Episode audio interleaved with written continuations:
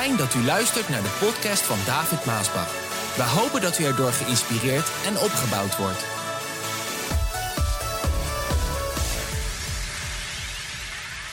Ik wilde eigenlijk vandaag iets gaan zeggen over een andere kijk op de opname van de gemeente. Er is een tijd geweest in de Bijbel, in de geschiedenis van de mens, die heel veel lijkt op de tijd waarin wij vandaag leven.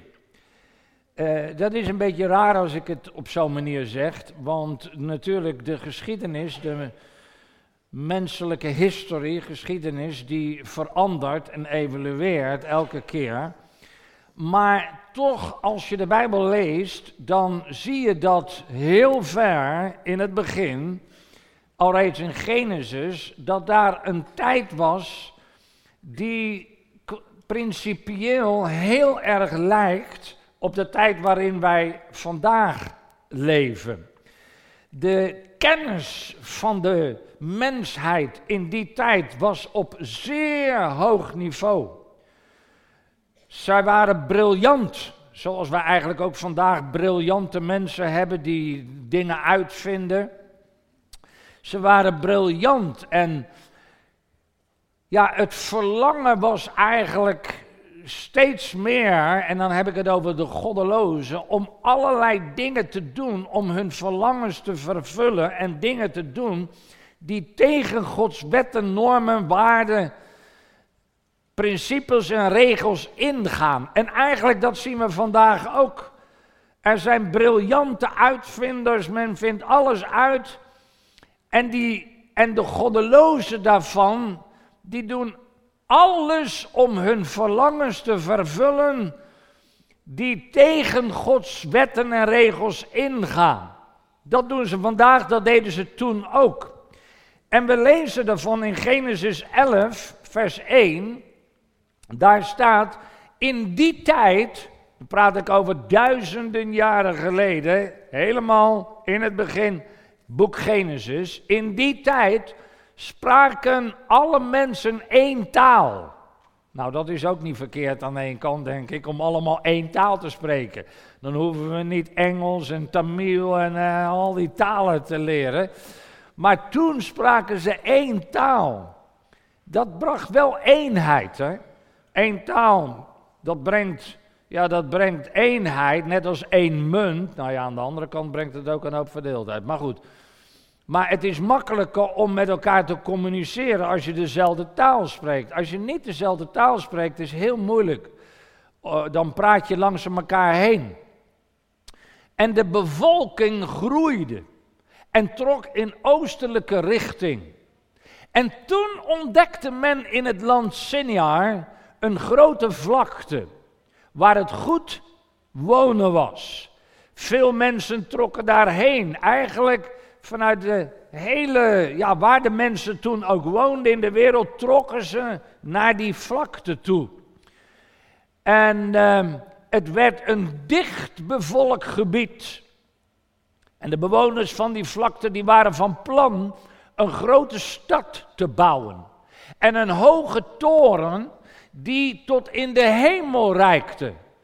Een eeuwig monument voor de bouwers. Een eeuwig monument voor de bouwers.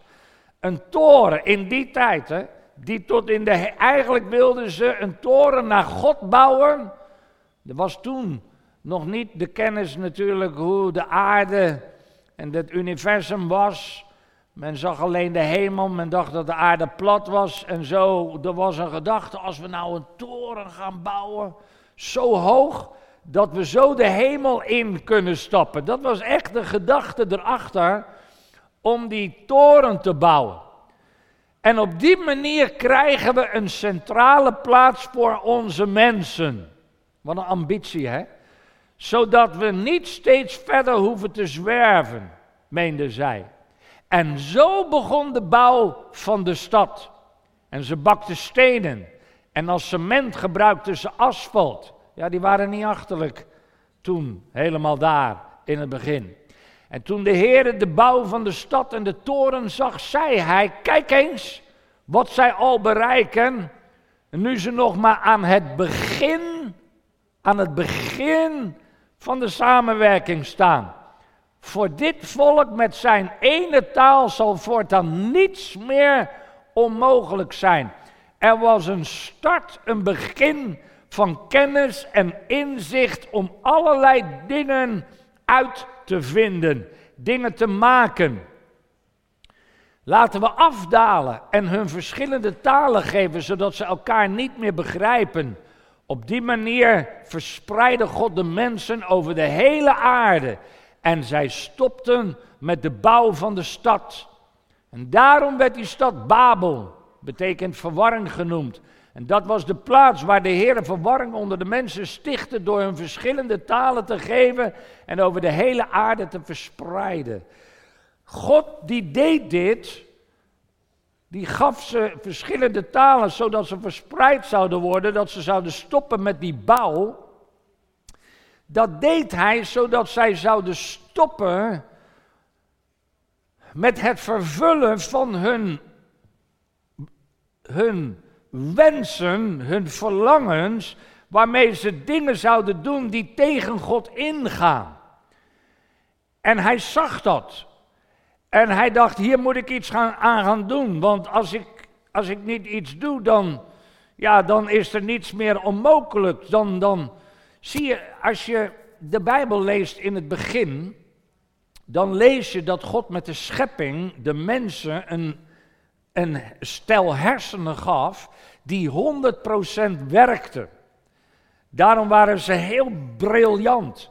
Ik geloof niet in die tekeningen en in die leerstellingen die je ook op school krijgt, dat die mensen toen allerlei hele gekke, uitziende soort mensen waren. Ja, want zo komt het over, zoals ze ons dat leren, dat die mensen toen achterlijk waren in het begin. En, en een beetje, ja, Neandertalen, weet je wel, heel lelijk en heel, ik ga niet... Ik geloof dat niet. Ik geloof, God had dat geweldig geschapen. Adam, die gaf ook alle dieren een naam. Echt waar, het was anders dan dat men vandaag schetst. De mens was volmaakt, was geweldig en had een verstand, had hersenen door God geschapen die 100% werkten. God maakt niet iets wat half werkt. Wat God maakt is goed, is perfect, is volmaakt. Maar na de zondeval is de mens zo 5 à 10 procent van de hersenen gaan gebruiken tot op de dag van vandaag. Weet je dat?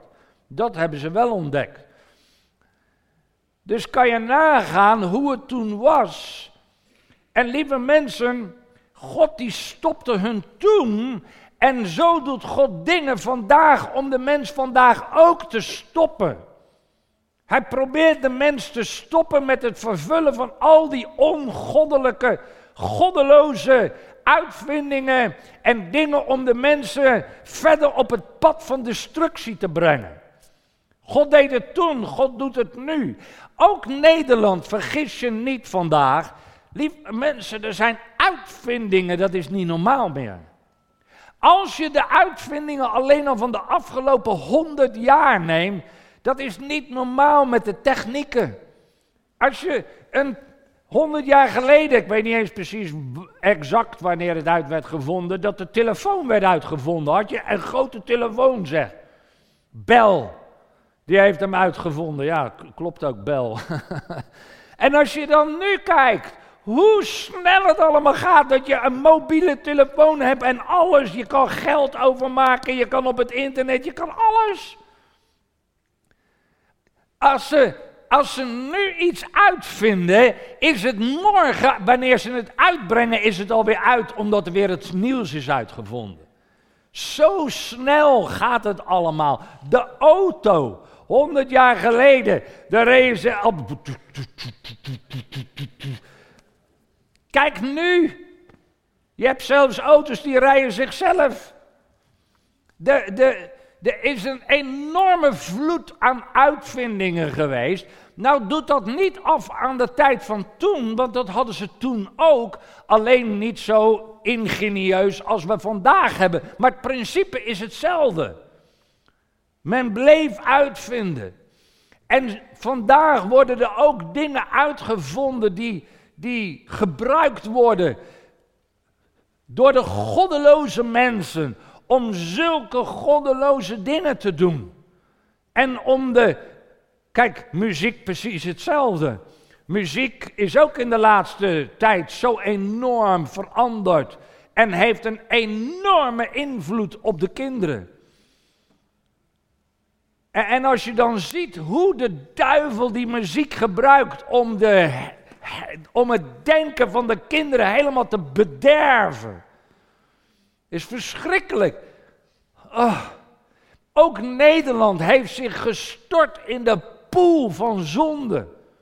Dat is gewoon een feit. Je ziet het over de hele wereld, maar ook Nederland. En vergis je niet, er komt een oordeel over de zonde. Want God heeft het toen gedaan in uh, wat, uh, Nineveh. En ja, de mensen bekeerden zich en daardoor ontkwamen ze eraan. Maar wat denk je van Sodom en Gomorra? God die deed het toen en hij is niet veranderd in die zaken. En er zal weer een oordeel komen. Ezekiel die zegt het zo. Mensenzoon, als de inwoners van dit land tegen mijn zondigen, zal ik hen verbrijzelen met mijn vuist. Hallo. De mensen zondigen, dan zal ik hen verbrijzelen met mijn vuist. Hun voedselvoorraden laten verdwijnen. En een hongersnood sturen naar die mens die mens en dier dood. Als Noach, Daniel en Job nu in dit land zouden wonen, zouden ze alleen zichzelf kunnen redden door hun rechtvaardigheid, zegt de oppermachtige Heere. Er was alleen maar een ontkoming als je rechtvaardig voor God wandelde. En wandelde in zijn geboden en in zijn wetten. Nou, de tijden zijn wat dat betreft niks veranderd. Het was toen goddeloos en God deed er wat aan. En het is nu in een snelvaart steeds goddelozer aan het worden over de hele wereld en ook in Nederland. Toen deed God er iets aan, maar dat was slechts voor een, een periode, want hij verspreidde de mensen en het ging gewoon door. Maar er komt een moment dat God iets in onze generatie gaat doen, maar wat niet voor tijdelijk is, maar wat voor eeuwig is. En dat gebeurt in de vorm van de opname van de gemeente. En ik ben zo blij dat ik daar vandaag wat ook over kan delen. Oordeel op de zonde, die komt namelijk niet op Gods kinderen, maar die komen op de goddelozen en de zondaars. Hoor je dit wat ik zo nu zeg? Het oordeel van God, dat was toen ook met Egypte en het volk Israël, dat weet u toch nog, met dat bloed. Het oordeel kwam op de Egyptenaren en niet op zijn volk Israël. En zo is het ook in de tijd dat de Heer iets gaat doen, dat het oordeel van God komt op de zonde en de goddelozen, maar niet op zijn kinderen. Prijs de Heer. Ik, ik ben zijn kind. Dus ik weet, het oordeel komt niet op mij. Maar hoe gaat God dan iets doen? Nou, niet zoals hij het toen deed, om een spraakverwarring te geven en de mensen te verspreiden. Nee, hij gaat er een einde maken, want er komt een oordeelsdag. En dat einde, dat komt in de vorm van de opname van de gemeente. En ik ben blij dat we daar kennis over hebben door wat de Bijbel zegt, want dit is heel belangrijk in een tijd als vandaag. Paulus die leert ons aangaande de opname van de gemeente, de kerk van Jezus Christus, de wederom geboren kinderen van God, die wandelen in zijn wegen en die zich houden aan zijn geboden. En dat had een reden dat Paulus hier onderwijs over ging geven, dat hij hierover ging spreken. Want dan moeten we terug even naar Handelingen 1, vers 11. Want wat gebeurde daar? Jezus, hij was in hun midden en op de Olijfberg. Dan geeft hij die laatste instructies om de mensen te bereiken met het evangelie en alle volken tot zijn discipelen te maken. En dan verdwijnt hij, dan krijg je de hemelvaart, dan verdwijnt hij in de hemel. Tot hun oog hem niet meer konden zien. Op de wolk ging hij omhoog, zo ver, verder, verder, verder, totdat hij niet meer zichtbaar was. En dan blijven ze maar kijken, hè? ze blijven maar kijken, ja, blijven kijken, kijken. En dan komt daar een engel en die zegt, Galileërs, die twee, twee engelen, wat staat u toch naar de lucht te kijken? Jezus is in de hemel opgenomen, maar hij zal net zo terugkomen als u hebt zien weggaan. Zij stonden daar, wisten niet hoe of wat nu verder, bleven kijken. Staan er twee engelen die zeggen: Luister, wat staan jullie daar nou te kijken? Die Jezus die je hebt zien opvaren naar de hemel, die zal op dezelfde manier terugkomen. Nou moet je eventjes dat weer lezen daar, om te begrijpen hoe die, hoe die omstandigheden er waren. Jezus was in die veertig dagen nadat hij was opgestaan, was hij telkens even weg en kwam hij weer terug. Plotseling stond hij in hun midden, zegt de Bijbel. Toen waren ze bang, vrede zei u, met vrede laat ik u. En hij sprak tot hen en dan ging hij weer weg voor een paar dagen. En zo elke keer, dat was daarvoor niet. Daarvoor was hij altijd, elke dag en nacht was hij bij hun. Eventjes weg, zo een paar uurtjes, maar dan was hij daar weer, want dan liep hij op het water om, eh, om dat wonder. Zo, hij was altijd daar, drie jaar lang. Nu in deze veertig dagen was hij telkens een paar dagen weg en dan kwam hij weer terug. In dat licht komen deze woorden tot de discipelen dat zij zeiden, die engelen, luister, die Jezus die je hebt zien opvaren, die zal ook zo weer terugkomen. Zo voor hun was het eigenlijk zoiets van, ook, oh, nou oké, is goed, we zien hem wel weer over een paar dagen. Zo kwam dat bij hun over, dat, dat hij komt wel over een paar dagen weer terug. Zo leefden zij ook, zo spraken zij ook met elkaar. Lees het maar in het boek van Handelingen. Maar dagen werden weken. En weken werden maanden. En maanden werden jaren. Begrijp je dit? En, en hun geliefden, die stierven, die, die brachten ze weg om te begraven. Het duurde dus eigenlijk best in de begintijd heel, heel, heel lang. Want als jij verwacht dat papa over twee, drie dagen weer terugkomt, maar het, het komt maar niet. Na een week denk ik, mam, uh, papa komt er toch wel aan, hè? Na een maand, mam, het duurt nou toch wel heel lang, hè? Na een jaar, nou mam, ik weet het niet meer, maar begrijp je dit? Zo was het ook met hun, de discipelen, en met Jezus. Zij verwachten elke keer dus dat hij op die wolken zou komen. En God zag dit. En Paulus zag het. Daarom dat God aan Paulus dingen gaat openbaren aangaande zijn wederkomst. Want daar moest licht over komen. En het eerste wat God dan bij Paulus doet, is dat hij Paulus zelf naar de hemel haalt om hem te laten zien. En dat lezen we in 2 Korinthe. Al is het dan nergens goed voor, ik wil toch nog even beroemen op de visioenen en openbaringen die de Heer mij heeft gegeven. Ik ken iemand die met Christus verbonden is en die 14 jaar geleden tot de derde hemel werd weggevoerd. In zijn lichaam of buiten zijn lichaam, dat weet ik niet. Dat weet alleen God.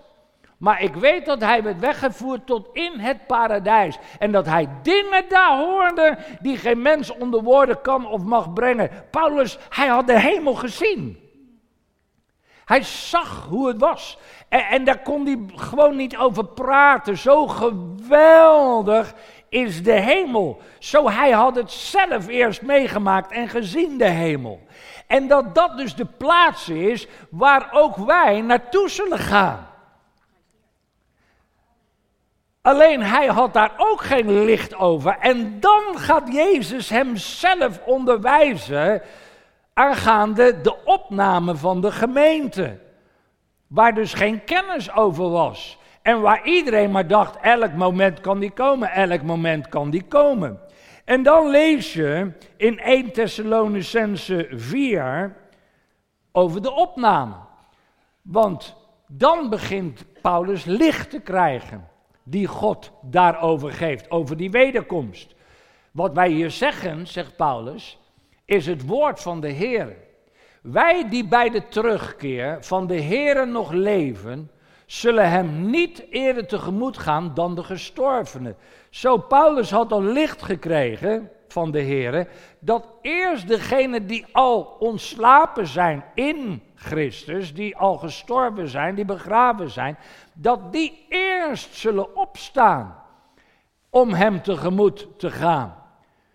Want als het signaal, een oude vertaling zegt de bazuin, hè, de engelen die de bazuin, het signaal klinkt, als een van de voornaamste engelen zijn stem laat horen en de trompet van God schalt, zal de Heere zelf uit de hemel nederdalen. Zal Jezus zelf, hier spreekt hij dus over, in het verlengde van wat de engelen zeiden, deze Jezus die u omhoog hebt zien gaan, die zal op dezelfde manier weer wederkomen. Dit ligt in dat verlengde dat Paulus zegt, als dat signaal klinkt, dan zal de Heer dus zelf, zoals die engelen gezegd hebben, uit de hemel nederdalen. En dan zullen de gestorven christenen eerst opstaan, onze geliefden. En daarna zullen wij, die op dat moment nog leven, met hen in de wolken worden opgenomen om de Heere in de lucht te ontmoeten en altijd bij Hem te zijn.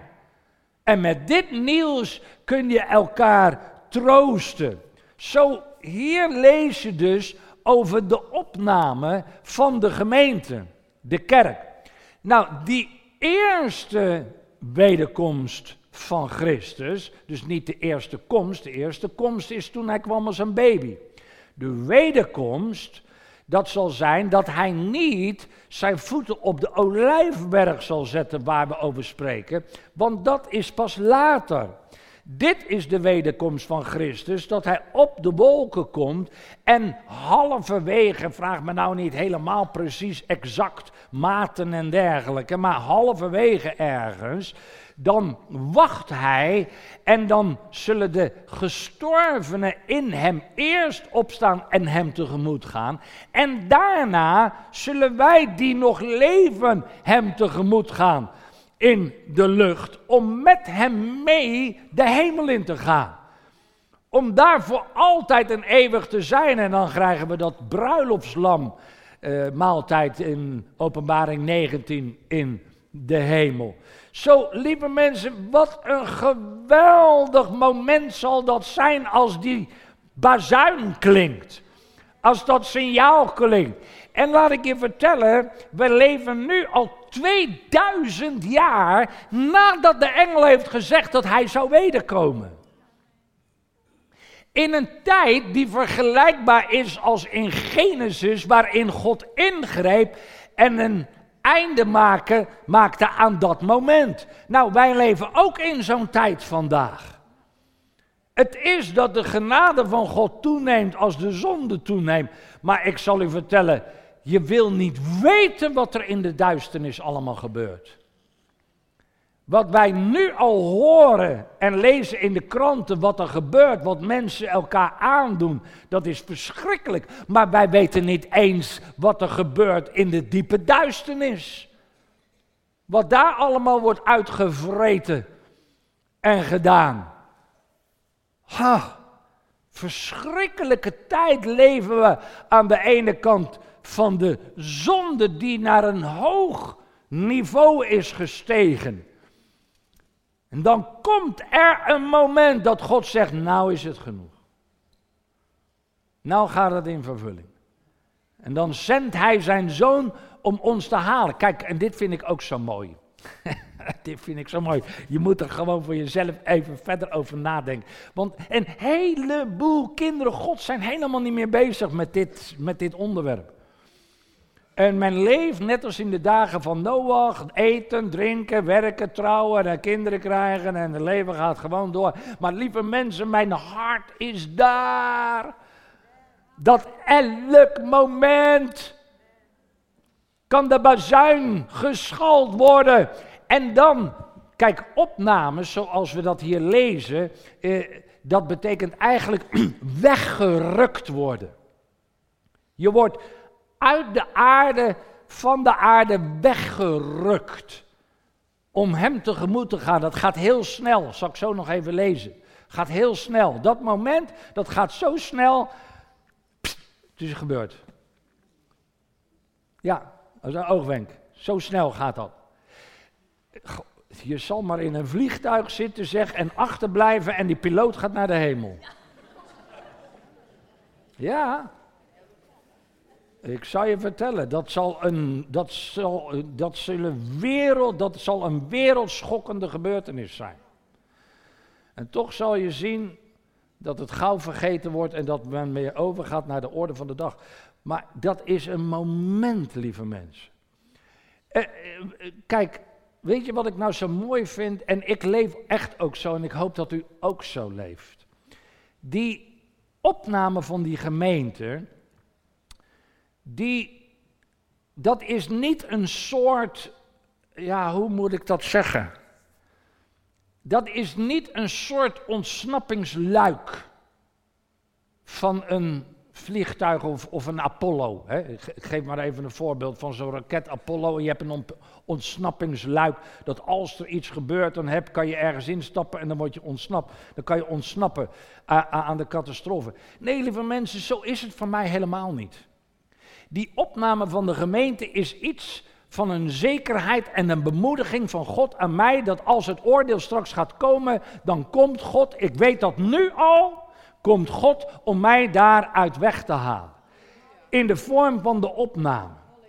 Het heeft dus, luister, dit is ook goed om te weten. Jonge mensen, mochten er zoiets uh, gedachten van anderen tot je komen. En het is gebeurd. Het heeft geen enkele nut met deze wetenschap om naar de bergen te gaan of naar een veilig stuk ergens, naar, naar de rotsen of grotten. En om eten te gaan sparen en, en, en uh, uh, allemaal voedsel op te sparen voor die, uh, voor, die, voor, dat, voor die verschrikkelijke tijd die over de wereld gaat komen en, en eigenlijk al bezig is. Er zijn er die dat gedaan hebben. Die gaan naar de grotten en de bergen, want ja, dat komt zo gezegd. En dan gaan ze eten en dingen. Mensen, dat hoeven wij niet te doen.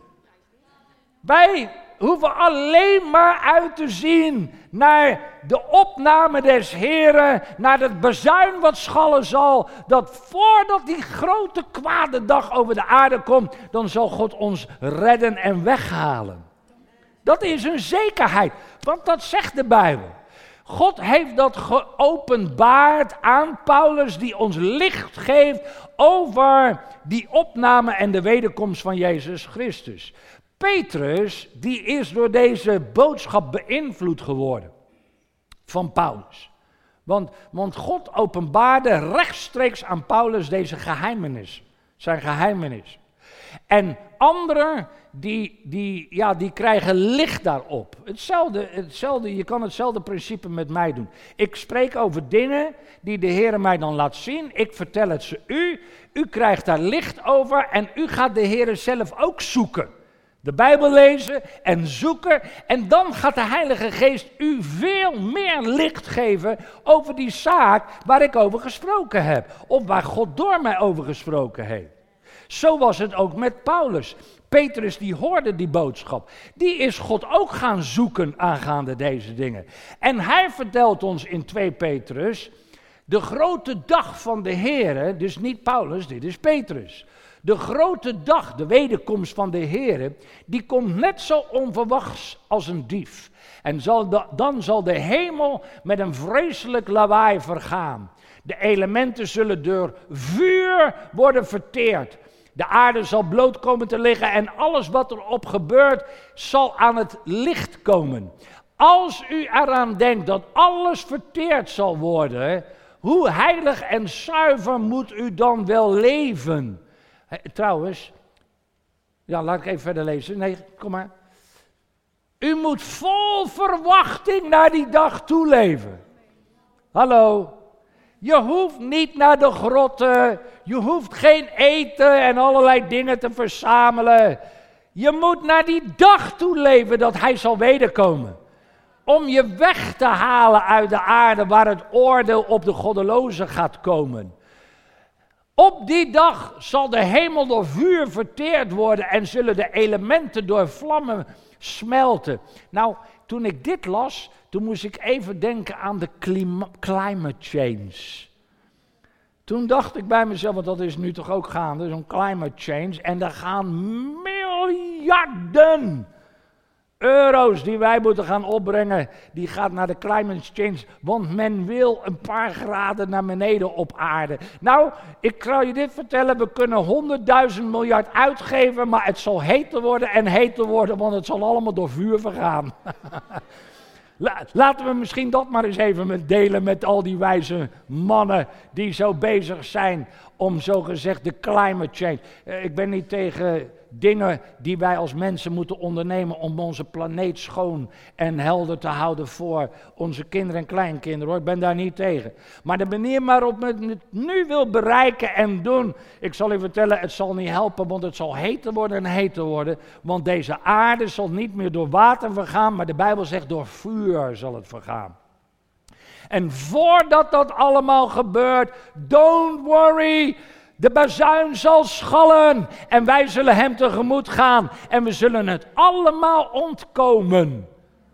Hallo, oh, dit maakt je wel enthousiast, hè? Ja, ik merk het. Maar waar wij eigenlijk naar uitkijken, dat zijn de nieuwe hemel en de nieuwe aarde die God beloofd heeft. En daar zal alles goed en rechtvaardig zijn. Terwijl u hierop wacht, vrienden, broeders en zusters, moet u uw best doen om zo te leven dat er niets op je aan te merken is. Houd vrede met iedereen, zodat de Heer tevreden over u kan zijn als Hij komt. En vergeet nooit waarom Hij wacht. Vergeet het nooit waarom het zo lang duurt dat Hij terugkomt en wacht. Want Hij geeft ons nog de tijd om andere mensen te vertellen dat Christus hen wil redden. Dat is de reden. Hoor je dat?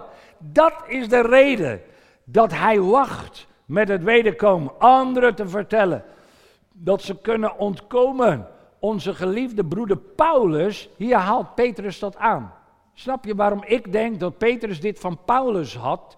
Over de opname. En dat hij daar de Heer voor ging zoeken en meer licht erover kreeg. Onze geliefde broeder Paulus heeft daarover in zijn vele brieven ook gesproken. Naar de wijsheid die God hem heeft gegeven. Sommige dingen die hij zegt zijn niet gemakkelijk te begrijpen. Wat voor bepaalde domme en wispelturige mensen een aanleiding is er een verkeerde draai aan te geven. Dat had je toen, dat heb je vandaag ook. En dat doen zij niet alleen met de brieven van Paulus, maar ook met de andere boeken. En zij, bewerken daarmee hun eigen ondergang. Je had het toen dat er hele rare leerstellingen werden gebracht. En je hebt het nu vandaag ook. En dan zegt Paulus nog in 1 Korinthe 15, even over die opname weer teruggaan. Wat ik u nu verder vertel, heeft God tot nu toe verborgen gehouden. Zo, het is waar, dat zijn verborgen dingen over die opname tot nu toe. En Paulus die kreeg licht over deze dingen om onderwijs te geven aan ons en toen in zijn tijd aan de gemeente. Want zie je, Paulus die sprak veel over de gemeente als lichaam van Christus. Hij sprak over de gaven van de geest, over de vrucht van de geest en, en over de, eh, hoe het lichaam werkte. God had hem veel licht gegeven aangaande de gemeente. En dit van de opname hoort ook bij de kennis die de gemeente hoort te hebben van de opname als de Heer wederkomt en ons naar zich toe gaat halen. Zo daarom kreeg Paulus ook uh, licht over die uh, opname dat dat gaat plaatsvinden. En dan zegt hij dus, het is, het is lang verborgen geweest. Maar wij gelovigen zullen niet allemaal sterven. Nou, dat is waar, want als Jezus terugkomt, dan zullen er gelovigen zijn. Maar wel allemaal in een oogwenk een nieuw lichaam krijgen. Op het moment dat de laatste bezuin klinkt. Ja, er zal het machtige geluid van een bazuin te horen zijn. Hoe? Ik weet het niet, maar degenen die het horen moeten, die zullen het horen. En dan zullen de doden levend worden gemaakt. Met een onvergankelijk lichaam. En ook wij zullen een nieuw lichaam krijgen. Ons onvergankelijk sterfelijk lichaam zal verwisseld worden door een onvergankelijk sterf, onsterfelijk lichaam. Dus Paulus zegt, als het moment daar is en de bazuin zal klinken, dan zullen eerst degenen die gestorven zijn in Christus in een oogwenk zullen ze opstaan. In dat oogwenk krijgen ze een onvergankelijk lichaam, dus een ander, een verheerlijk lichaam, waarmee je de hemel kan binnengaan. En dan ga je Jezus tegemoet. En gelijk in zo'n, ja, simultaan zou je bijna zeggen, Eerst dat en dan meteen daarachteraan gebeurt allemaal in een oogwenk. Dan zullen wij die nog leven ineens, wap, weg. Boom. En terwijl wij dan hem tegemoet gaan, in die oogwenk krijgen wij ook een onvergankelijk, een verheerlijk lichaam waarmee we de hemel kunnen binnengaan. Want zie je, in dit lichaam kan je de hemel niet binnengaan. Dat is vlees en bloed. Maar dat gebeurt allemaal in een oogwenk. Nou, nou kunnen we daarover gaan discussiëren hoe dat allemaal gebeurt. Kijk, en daar ben ik niet de man voor. Want dan denk ik, het zal allemaal wel. Ik weet één ding, God is machtig, hij heeft het zo geregeld dat het allemaal goed zal gaan. En ik hoef me daar geen zorgen over te maken. Ik hoef me ook niet bezig te houden hoe dat allemaal gaat. Dat interesseert me eigenlijk ook helemaal niet. Hoe dat allemaal gaat. Ik weet één ding, God heeft het goed geregeld. En als het bazuin daar is, dan zal het bij mij ook gebeuren. En met mij, mijn familie en vrienden en kennissen, die allemaal ook leven in de verwachting dat hij zal wederkomen.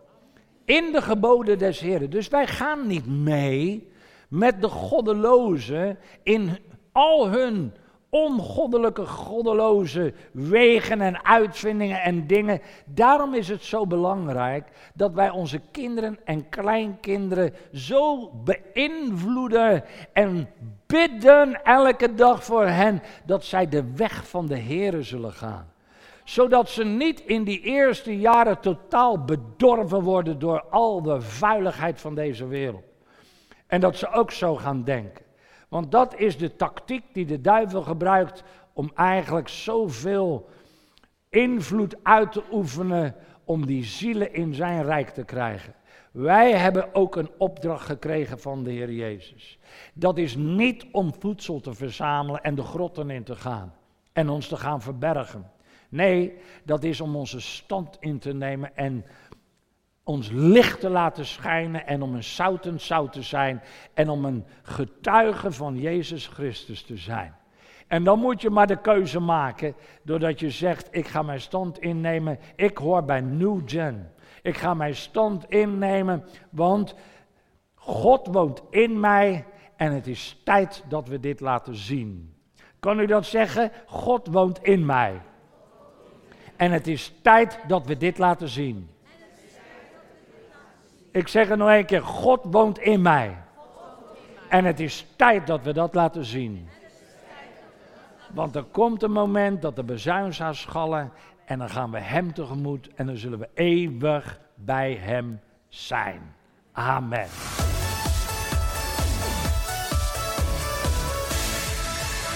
Bedankt voor het luisteren naar deze podcast. Wilt u meer preken beluisteren? Ga dan naar message.maasbachradio.com. Bezoek ook eens onze website www.maasbach.nl